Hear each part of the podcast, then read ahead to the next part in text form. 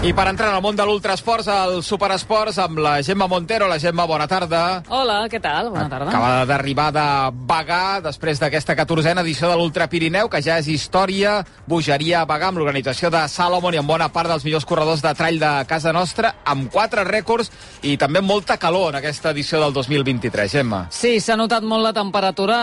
Recordo que l'any passat, eh, doncs, en alguns eh, trams del recorregut de l'Ultra, sobretot, doncs, es trobava neu i aquesta vegada era impensable trobar-te eh, res que no, que no fos calor i, i, i problemes associats a la calor, precisament. Una calor inusual a la zona i a l'època, però que ha marcat aquesta prova del 2023 Eh, molts mals de panxa, probablement per deshidratació, moltes lesions o fractures que no són problemes greus però que no deixen de ser un mal de cap pels corredors i per l'organització. Això vol dir que ha abandonat més gent un 30% del total, parlo de l'ultra, de la cursa de 100 quilòmetres, eh? quan normalment plega el 20% dels corredors. Però la cursa masculina i femenina van estar molt apretades. Repassem primer la mitja Pirineu, que és la cursa que les dues curses que, que s'han fet avui, la d'aquest matí, la més ràpida, els 21 quilòmetres, eh, amb, les eh, victòries de Miquel Corbera i Rosa Lara Corbera, el Miquel Corbera que ha guanyat en 1 hora i 28 minuts i 36 segons. Segona posició pel noi de Salomon, que ja no està en noi, perquè farà 19 anys eh, d'aquí uns mesos. El noi de Bagà, és un corredor que és de Bagà, eh, per tant corre mm, mm, a casa, no pot córrer més a casa, el Jan Torrella, de fet, ha estat segon amb una hora 29 minuts i 30 segons i tercer Fabián Benero amb una hora 31 minuts i 2 segons. En Miquel Corbera, recordem, és campió d'Espanya de pujada vertical i potser el recordareu perquè el Mundial de Trail Running de Tailàndia mmm, d'aquest any, eh, del mes d'abril, just a la sortida va caure. Era una sortida molt apretada amb molta gent, el van fer caure a terra, no havia fet ni dos metres i fins i tot feia patir perquè el podien trepitjar. Es va dislocar l'espatlla i, òbviament, no ha tingut un gran any fins avui. Felicitats, Miquel, pel rècord, per la cursa. Sí, sí, moltes gràcies. La veritat és que content. I has arribat eh, fotent uns crits de por, eh? Sí, sí, bueno, um, al final fa doncs, 4 mesos i mig eh, me'n van dislocar l'ombro, eh, recorrent em van tirar a terra eh, que he tingut uns mesos que he estat lluitant contra els meus dimonis, podria dir. Eh, M'ha sigut dur tornar, però, però bueno, ja doncs, he demostrat que, que ja torno a estar aquí i bueno, que podem estar més. Ah, vam veure aquella sortida del Mundial que ens va deixar tots glaçats. Realment has tret una espina avui, eh? eh sí, sí, sí, sí, sí, sí, que, però la veritat és que ha hagut de córrer però, més ràpid del que m'esperava realment, eh, que però, doncs, el company Jan sí que m'ha apretat molt fort, llavors eh, m'estic content per mi, però doncs, jo també per ell. Molt bé. Això vol dir que estàs recuperadíssim ja, eh? eh sí, sí, uh, ja la veritat és que m'havia posat com a repte fer almenys 5 pull-ups um, abans de competir, perquè si no, no si queia, pues, em podia tornar a lesionar, que pues, sí que he tornat amb cap, i bueno, uh, que però doncs ara ja doncs, espero que, que doncs, amb calma i amb, bona lletra, que, que és el que s'ha de fer per durar molts anys, doncs, bueno, crec que anem pel bon camí. Molt bé, ara què, què et queda aquest any ara? Eh, la setmana que ve estaré a l'olla de Núria, llavors ja, ja doncs a partir d'aquí veurem, a veure que, que per a veure què més es cou. A decidir-ho, no? Molt bé, felicitats. Moltes gràcies. A veure què es cou amb l'olla de Núria, segur que courem eh, bones, eh, bones coses. Eh, la setmana que ve, com a mínim, allà veurem el Miquel Corbera. Quatre pull-ups, quatre flexions, eh, per, per aclarir-ho, eh?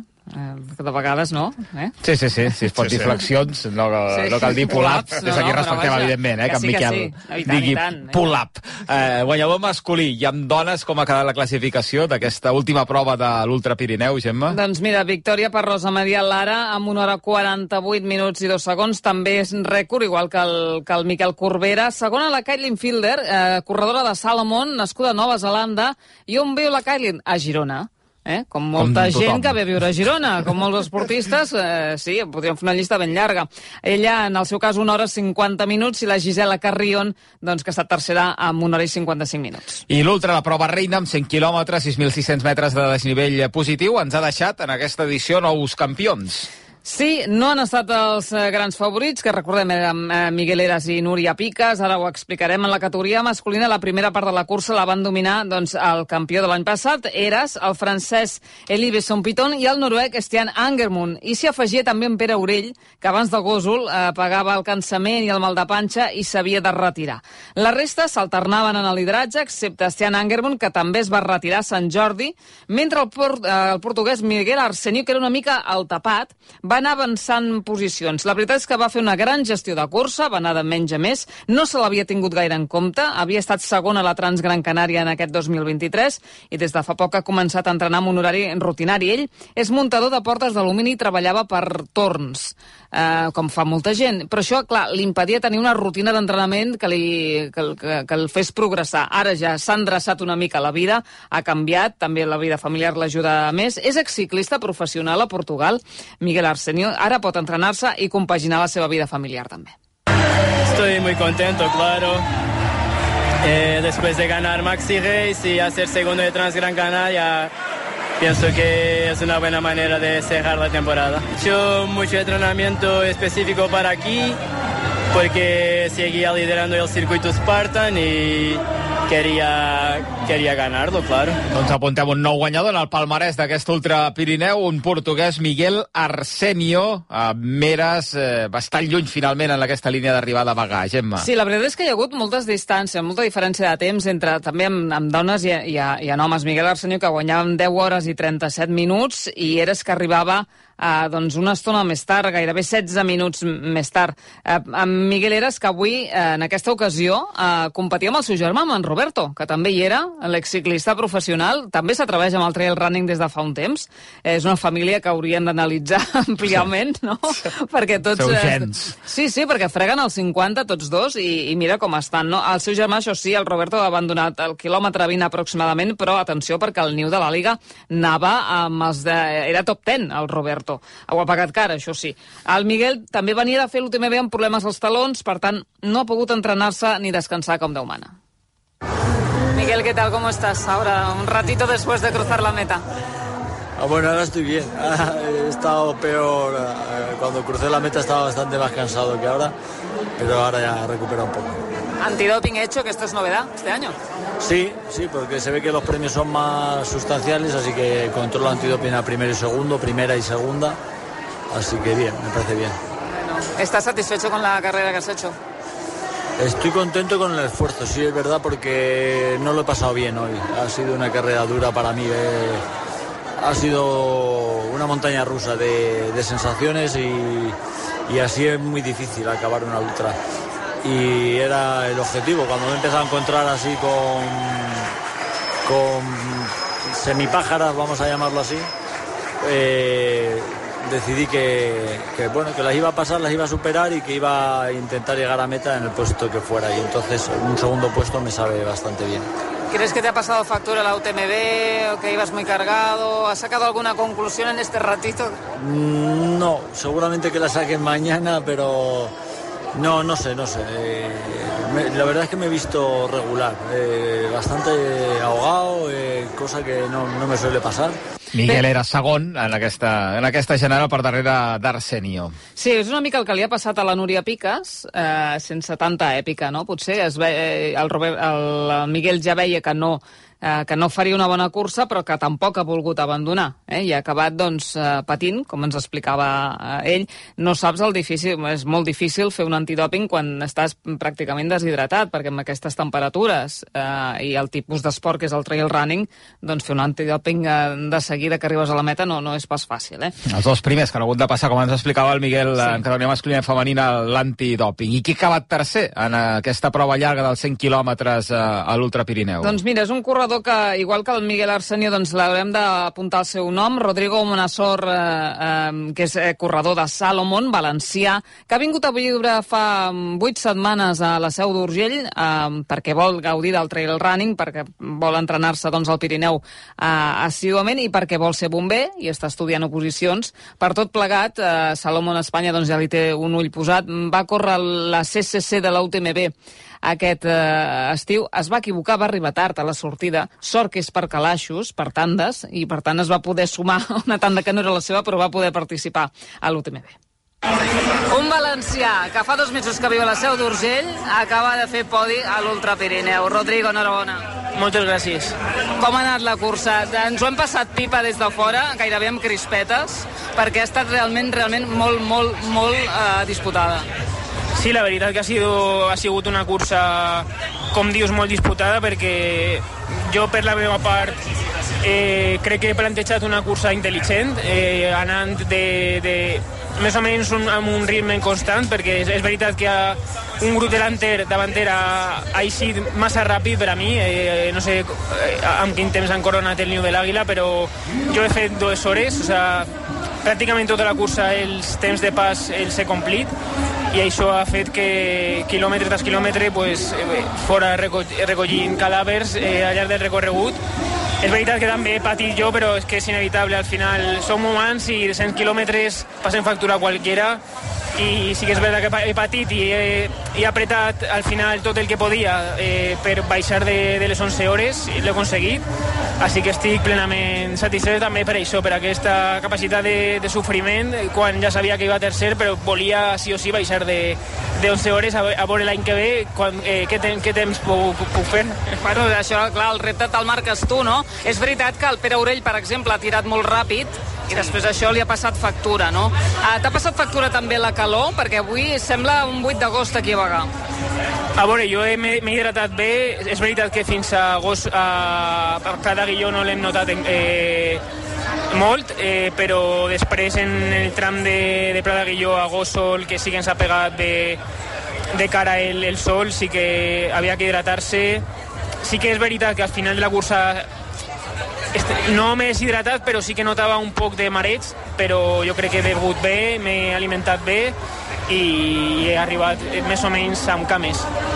Ets atleta Salomon, ben sota el paraigües de, del patrocinador de la cursa. Què tal aquests dos mesos que portes vivint a Catalunya? També estàs opositant a bomber, no? T'estàs sí. preparant? Sí, eh, ja porté un any i mig eh, preparant-me per a bomber. La, el primer any va ser a València, va suspendre en maig i des d'entonces em, em vaig plantejar fer un canvi radical perquè és veritat que jo vull ser bomber però també vull disfrutar de, del procés en un medi que per a mi ja és eh, familiar, que és la muntanya que se'm dona bé, que disfrute moltíssim i volia pues, preparar la següent convocatòria que sortirà a final d'any des d'una zona de, de, de muntanya que està, estiga ben comunicada. Crec que la seu és un lloc idoni també perquè precisament està a la base del GRAE, del grup de rescat d'actuacions especials. O sea, és el, el meu somni treballar ahí, de, de bombers que fan rescats a la muntanya amb helicòpter i ajuden a persones com nosaltres. O sigui que jo crec que he escollit un, un bon lloc. I dins el trail, quin seria el teu somni? Somnis, pues, eh, anar superant-me, jo crec, eh, a Indrasain no deixar de disfrutar, conèixer nous països, noves experiències, noves persones, per a mi és, és el meu somni. Més que guanyar tal cursa, és veritat que pues, hi ha curses que a tots se'ns plena la, la boca de, de, de, de mencionar una, una possible victòria ahí, però al final jo crec que és disfrutar del procés, dels anys, perquè això no té preu i aquestes experiències jo crec que és al final el que se'n queden dins. Et veig molt fresc, eh? I sense cap esgarrinxada, que almenys que es vegi així a primer cop de vista. Eh? Bueno, fresc, fresc, mira com tinc les, els d'algun... Una, una, una mica pelat, sí, una mica pelat. Sí, sí, sí. Jo no, no, no faig, alguna caiguda sempre, quan vas ahir molt concentrat i et dones tot en alguna baixada, després en la zona més, menys tècnica és, és on caigues, un, un pequeño despit. Sí. Si no, no seria trail, eh? Exacte. Enhorabona. Moltes gràcies. El tercer classificat en categoria masculina, Rodrigo Monassor, apuntem a aquest nom, valencià instal·lat ara a la Seu d'Urgell des de fa dos mesos. Li deies que crispetes per la prova masculina i encara més crispetes d'aquestes eh, sí, sí. barreja de frit ràbic, dolces i salades per la prova femenina, Gemma. Sí, apassionant, la veritat, perquè eh, sortíem molt fortes en grup eh, i també hi havia doncs, eh, problemes. Eh, Gemma Arenas, per exemple, que abandonava per problemes físics, i la Ragna de Bats que tirava, tirava, tirava, es posava al capdavant des de l'inici i amb Núria Piques molt a prop, que anaven a roda. Eh, la Núria es va posar, de fet, líder durant uns minuts, però en arribar a Grassolet, els quàdriceps li van dir prou. Just abans, eh, el divendres, a la nit, parlàvem amb ella i, i deia que tenia molt clar què havia de fer la cursa, que era repetir la de l'any passat, que ho havia calculat tot molt bé, però que s'havia de tenir el dia. Doncs eh, això no està a les seves mans. Tot l'altre sí, i ho havia fet bé, però els quadríceps li van dir prou, ens va deixar un pam de nas quan la vam sentir dir això. Me encuentro muy mal. No puedo correr y es uno de los momentos más jodidos de mi carrera deportiva, pero le voy a dar la vuelta por respeto a este deporte, por respeto a toda esta gente y por respeto a la organización. Uh, la voy a acabar. No Mucha puedo correr, no puedo correr, no sé qué me pasa. pero vamos a acabar, ni que sea a las 4 de la, de la madrugada. Espero que haya gente en vaga esperándome y, y así será, ¿no? Tengo mucho dolor, mucho. Y ese dolor lo vamos a abrazar y vamos a seguir, como sea. Espero acabar, es mi objetivo.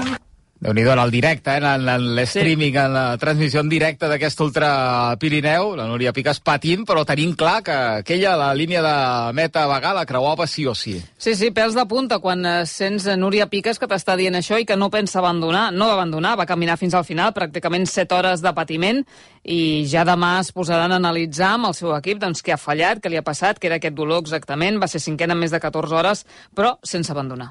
Núria, volies ballar l'Aima Mai, l'has ballat, eh? Sí, l'he ballat i jo no pensava que pogués fer ni un salt a l'arribada perquè porto un mes de 7 hores caminant per aquest racó de món, però al final quan arribes aquí ho has donat tot i veus tota aquesta gent que t'espera doncs et surten les forces no saps d'on, no? Avui ho he passat molt malament i al final doncs ho hem pogut celebrar. Sí. A tu ahir em deies, ahir la nit em deies, eh, hi ha gent que em diu que tinc molt a perdre perquè hi torno, eh, jo crec que no has perdut res, malgrat que no has tingut el dia, com també deies. Jo crec que has guanyat, mira com t'ha rebut la gent. Sí, la veritat és que totes les entrevistes que he anat donant durant aquesta setmana jo deia que em sentia molt forta mentalment, físicament, he entrenat molt bé, portava la nutrició molt controlada, però sempre afegia, s'ha de tenir el dia, no? I avui no l'he tingut. Avui no he tingut el dia, però evidentment que pel meu cap s'ha passat l'opció d'abandonar. Però hi ha hagut un moment que m'he plantat i he dit aquí no abandona ningú, aquí s'ha de lluitar i s'ha d'arribar, perquè hi ha molta gent que m'ha vingut a ajudar, hi ha molta gent que m'ha vingut a veure, jo ho sé. Jo no puc fallar aquesta cursa que m'ha regalat eh, qui sóc en el món esportiu, no? Per tant, per mi ha sigut una victòria absoluta, una lliçó de vida, no m'havia trobat mai en aquesta situació, he, he, he tingut molt de, de sofriment, he patit moltíssim, Doncs el patiment, però aquesta convicció d'arribar per respecte al, a l'esport i a la gent que l'ha aviturejat, diríem, quan ha guanyat en altres edicions, sense anar més lluny l'any eh, passat, però també avui, quan ha creuat la línia d'arribada sense opcions de, de victòria. Fixa't que normalment no s'espera a la cinquena eh, classificada. Eh, les coses com són, no? Veus el, els tres primers al podi i després la resta de gent que, que es queda a animar doncs és perquè són amics, familiars, els corredors, però tothom esperava la Núria Piques. És igual si era primera, segona, cinquena o, o vintena. I a les 4 de la matinada, si hagués estat així, també hi hauria hagut gent esperant-la. Qui ha Mar- guanyat? La Marta Molist, eh, la bigatana, que ho ha fet en 12 hores i mitja. Segona, Maria Mercedes Pila, eh, una equatoriana que ja fa 22-23 anys que viu a la província de Càceres, amb 13 hores i 4 minuts, i la tercera ha estat la Ragna de Bats amb 13 hores i 12 mi- eh, minuts. I amb la Marta Molist hem parlat avui, eh, ahir, a banda de passar la- l'antidòping, no es trobava gaire bé, i avui, aquest matí, ben d'hora, ha acabat eh, ajudant a posar les medalles als últims classificats a l'Ultra. Bé, Marta, com et trobes avui? Uh, bé, em trobo bé, estic bé, més bé que del que em pensava. Potser demà em sortirà tot, eh? però avui estic bé. I felicitats, perquè hi vas aconseguir guanyar una, una Ultra Pirineu que ha costat molt en general. Eh? Sí, la veritat és que sí, estic molt contenta perquè no, no m'ho esperava, no, no entrava dintre dels meus plans perquè a la línia de sortida hi havia noies molt fortes i la veritat que no m'ho esperava gens. Nosaltres des de fora anàvem veient una cursa eh, trepidant, eh? tant en nois com en, com en dones. No hi ha hagut un guanyador clar des de l'inici en cap de les dues curses. No sé, tu com l'has gestionat? Uh, vaig intentar sortir a fer la, una carrera uh, tranquil·la, sense esbarar-me, sense mirar endavant ni enrere. Era una cursa que estàvem molt juntes totes les noies, fèiem molt la goma, ara una tirava davant, ara l'altra tirava endavant, ara jo, ara l'altra. També ens, ens va ajudar molt, no?, anar una miqueta juntes perquè també va bé, no?, trobar-nos així. Va estar bé, va, va ser una cursa maca en aquest sentit. Marta Molís, la guanyadora de l'Ultra Pirineu, de la prova llarga, al micròfon de la Gemma Montero. A la marató d'aquest Ultra Pirineu, l'únic que va repetir victòria va ser Robert eh, Quimoy. Gemma. Sí, el canià, que a més a més ha fet rècord, eh? El, de fet, el primer rècord d'aquesta edició de l'Ultra Pirineu va ser d'en Quemoy, 3 hores, 37 minuts i 31 segons, seguit de Roberto de Lorenzi, el corredor de Brooks Trail, el suís, i en tercera posició, Víctor de l'Àguila, amb 3 hores i 42 minuts. Parlàvem amb l'Octavio Pérez, eh, ho fem gairebé a cada Ultra Pirineu, és el preparador físic eh, d'Aquemoy, el ideòleg eh, valencià de l'Sky Runners Kenya. Octavio, enhorabuena por la parte que te toca como entrenador de Robert. Muchas gracias, muy contentos. Bueno, nuevo récord. ¿Esto lo, lo teníais eh, programado? No es algo que no habíamos pensado, eh, así que la idea era intentar volver a repetir, a repetir victoria. Y bueno, se lo han puesto difícil, sobre todo hasta New Águila, que, ah, que el italiano le, lleva- le llevaba casi dos minutos, pero ya ha aprendido a regular muy bien y ahora baja genial, así que, bueno, eh, es un otro premio el hacer el récord de la prueba también. Además, es que ha rebajado su marca del año pasado, que ya ganó aquí en esta maratón nueve minutos, y ha rebajado el récord de, de Albon en seis. ¿Cómo habéis preparado todo esto en, en- la pretemporada? Pues la verdad es que esta temporada ha sido un poco atípica porque después de Cegama estuvo eh, tres semanas sin poder correr por una lesión en el tendón de Aquiles. Eh, luego eh, tuvimos que competir en, las Golden antes de tiempo y bueno, los resultados no estaban siendo todavía buenos porque todavía nos faltaba entrenamiento, pero sí que estos dos últimos meses ha entrenado genial, no ha faltado ni, ni a un día de entrenamiento y bueno, hemos hecho un trabajo de volumen y de intensidad y de desnivel buenísimo y bueno, aquí está el resultado. Y las bajadas, ¿no? ¿Cómo, cómo habéis mejorado tanto en las bajadas? Porque eso- esos tobillos, de, bueno, tobillos kenianos no sufran. Pues bueno, al final yo siempre digo que las bajadas se mejoran bajando y es lo que hemos hecho, bajar mucho, meter mucho desnivel también en bajadas y yo creo que también ahora ya tiene experiencia, es el segundo año que corre aquí, lleva dos años en el mundo del trail y bueno, eh, yo creo que ahora va a ser eh, un atleta a tener en cuenta en cualquier carrera y de cualquier nivel para, para contar con él en la victoria. ¿Tenéis planificado el año que viene o el inicio de, de temporada? Sí, bueno, pues todavía nos queda Olla de Nuria la semana que viene. Eh, se quedará aquí en España durante un mes más o menos para luego también viajar hasta la final de, la, de las Golden, donde esperamos que pueda también optar a- por, por hacer un top 3. Y luego no sé si competiremos en Tailandia en diciembre para coger, ah, para coger puntos para ir a, a Mont Blanc a, a UTMB, la distancia de OCC, y poder, eh, poder intentar también eh, estar allí y disputar también la victoria allí. Un calendario apretado entonces para acabar el año. Enhorabuena. Gracias, muchas gracias. L'Octavio Pérez, el preparador físic d'en Quemoy, del guanyador en aquesta prova de marató de l'Ultra Pirineu, amb tercera posició per un eh, català, Gemma. Un corredor de Porrera, un tarragoní, eh, corredor, entrenador, un home que es dedica a, mm, a ajudar molts amateurs a que no es pensin eh, que són professionals i que gaudeixin d'aquest esport. Per tant, també eh, l'enhorabona al Víctor de l'Àguila, tercer i millor català. Víctor, enhorabona. Eh, moltes gràcies. Tercera posició, igual que l'any passat, però amb millor temps. Per tant, entenc que estàs satisfet.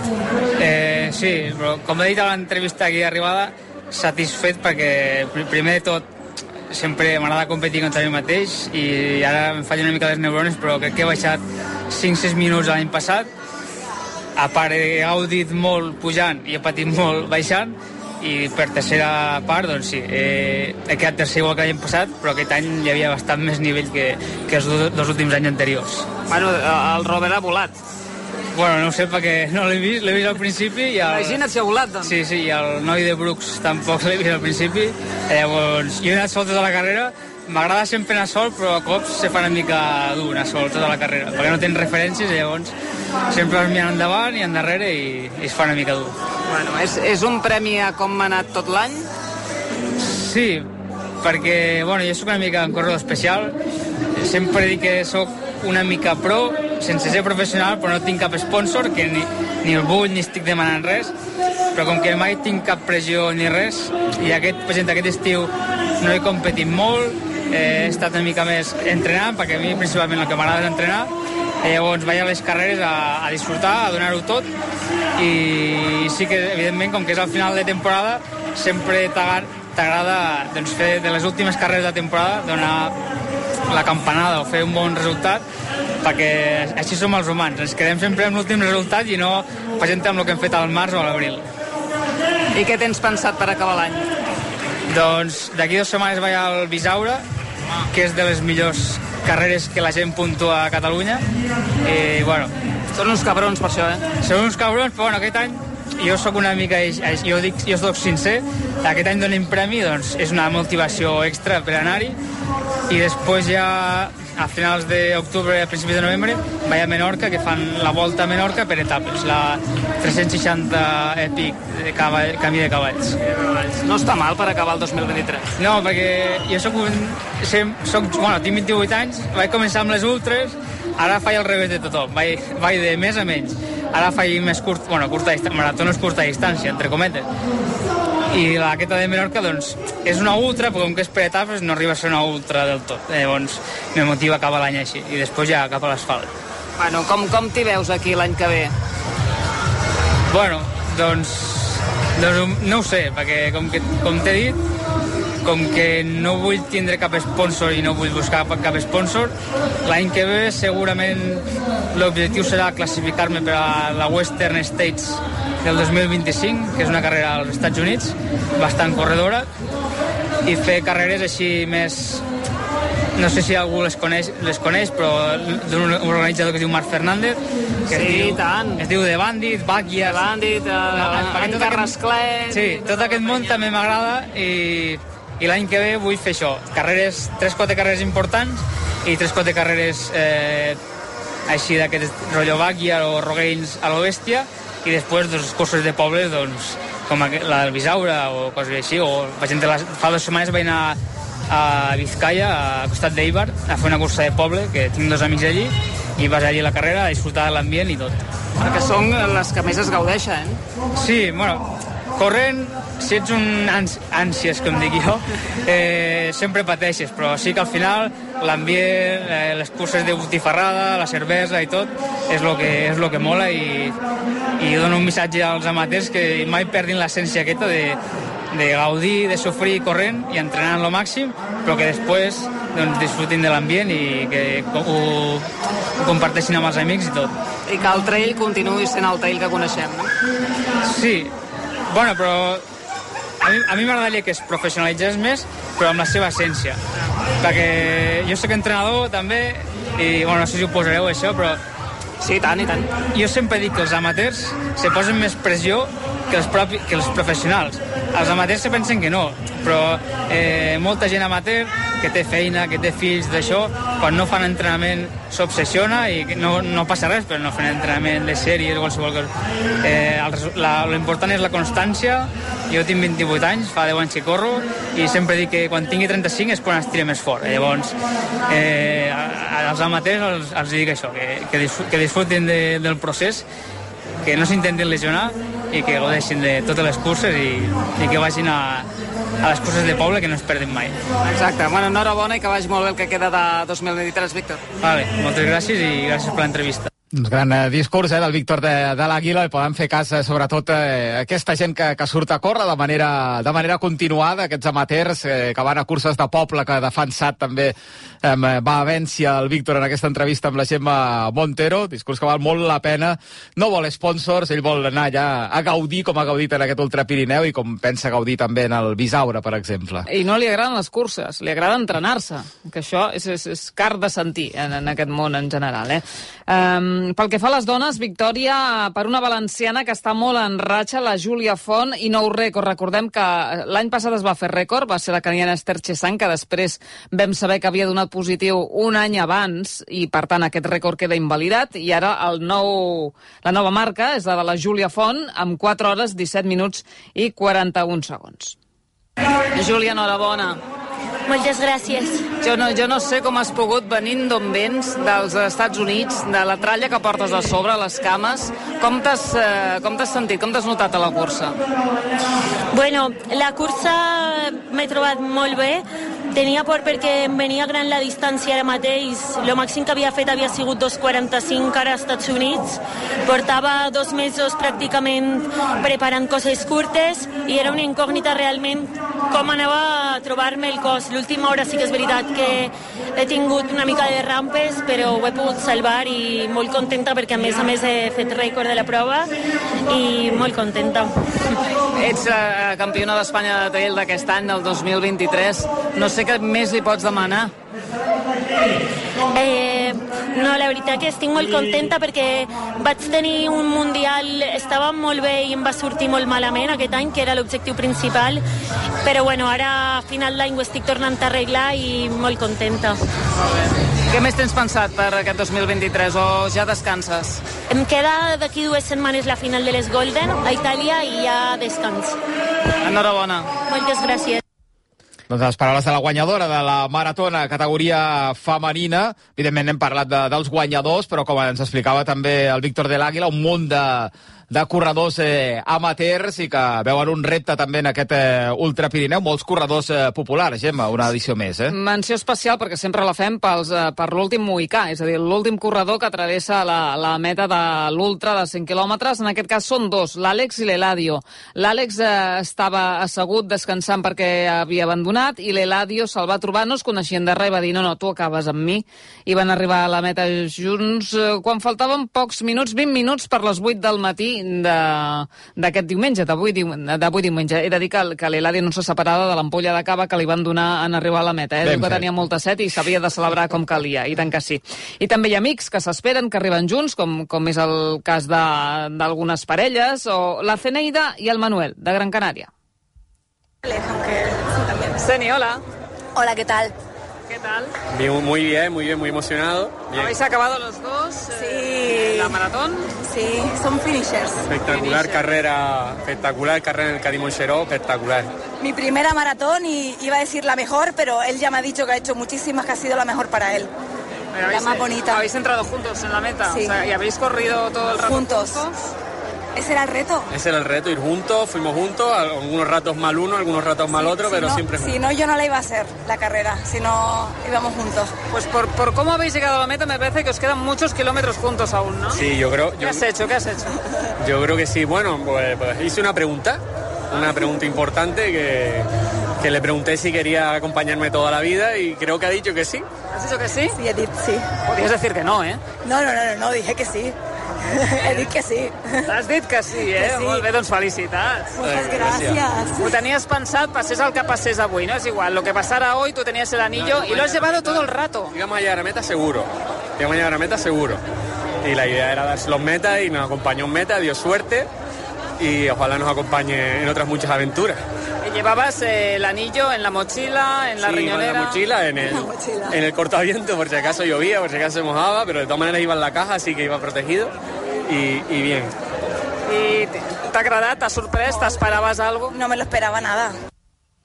Doncs enhorabona a la tant. al Manuel, que ja passa això, a la Marató de Barcelona també passa, eh? Eh, Això del córrer és perillós. és perillós. Sí, vigileu amb qui correu, eh, que no Sí, us endureu sí, una sí. sorpresa al final de, de la cursa. Tenim dates per l'any que ve de l'Ultra Pirineu, Gemma? Sí, i atenció, perquè varien lleugerament, és a dir, no serà l'últim cap de setmana de setembre, sinó que serà el primer cap de setmana d'octubre, 4, 5 i 6. Eh, ara heu sentit que la setmana que ve hi ha l'Olla de Núria, després el trail del Bisaure, perquè està molt atapeït a l'octubre, perquè recordeu que s'ha de protegir l'època de reproducció de la perdiu blanca. Ens ho expliquen sempre els amics del Bisaure, que quan eh, la perdiu blanca necessita procrear se l'ha de deixar tranquil·la i no es pot córrer per segons on doncs, en els mesos d'estiu. Per tant, el mes d'octubre està atapeït i s'ha de bueno, distribuir les dates d'una manera òptima. Ara escoltem en eh, Puco, abans gol a primera, Molló. Gol d'Ossassuna, Vitoria, golaç de José Arnaiz, l'ex del eh, Barça, vaja, bàsicament del filial del Barça, amb un xut des de fora de l'àrea potentíssim. A la B 0, Ossassuna 1, 38 de la primera. I la Ryder Cup com la tenim? Europa 14, Estats Units 10, a Estats Units que ara mateix encapçala eh, 3 dels 5 partits que falten per acabar. Glenn Miller, quan vulguis.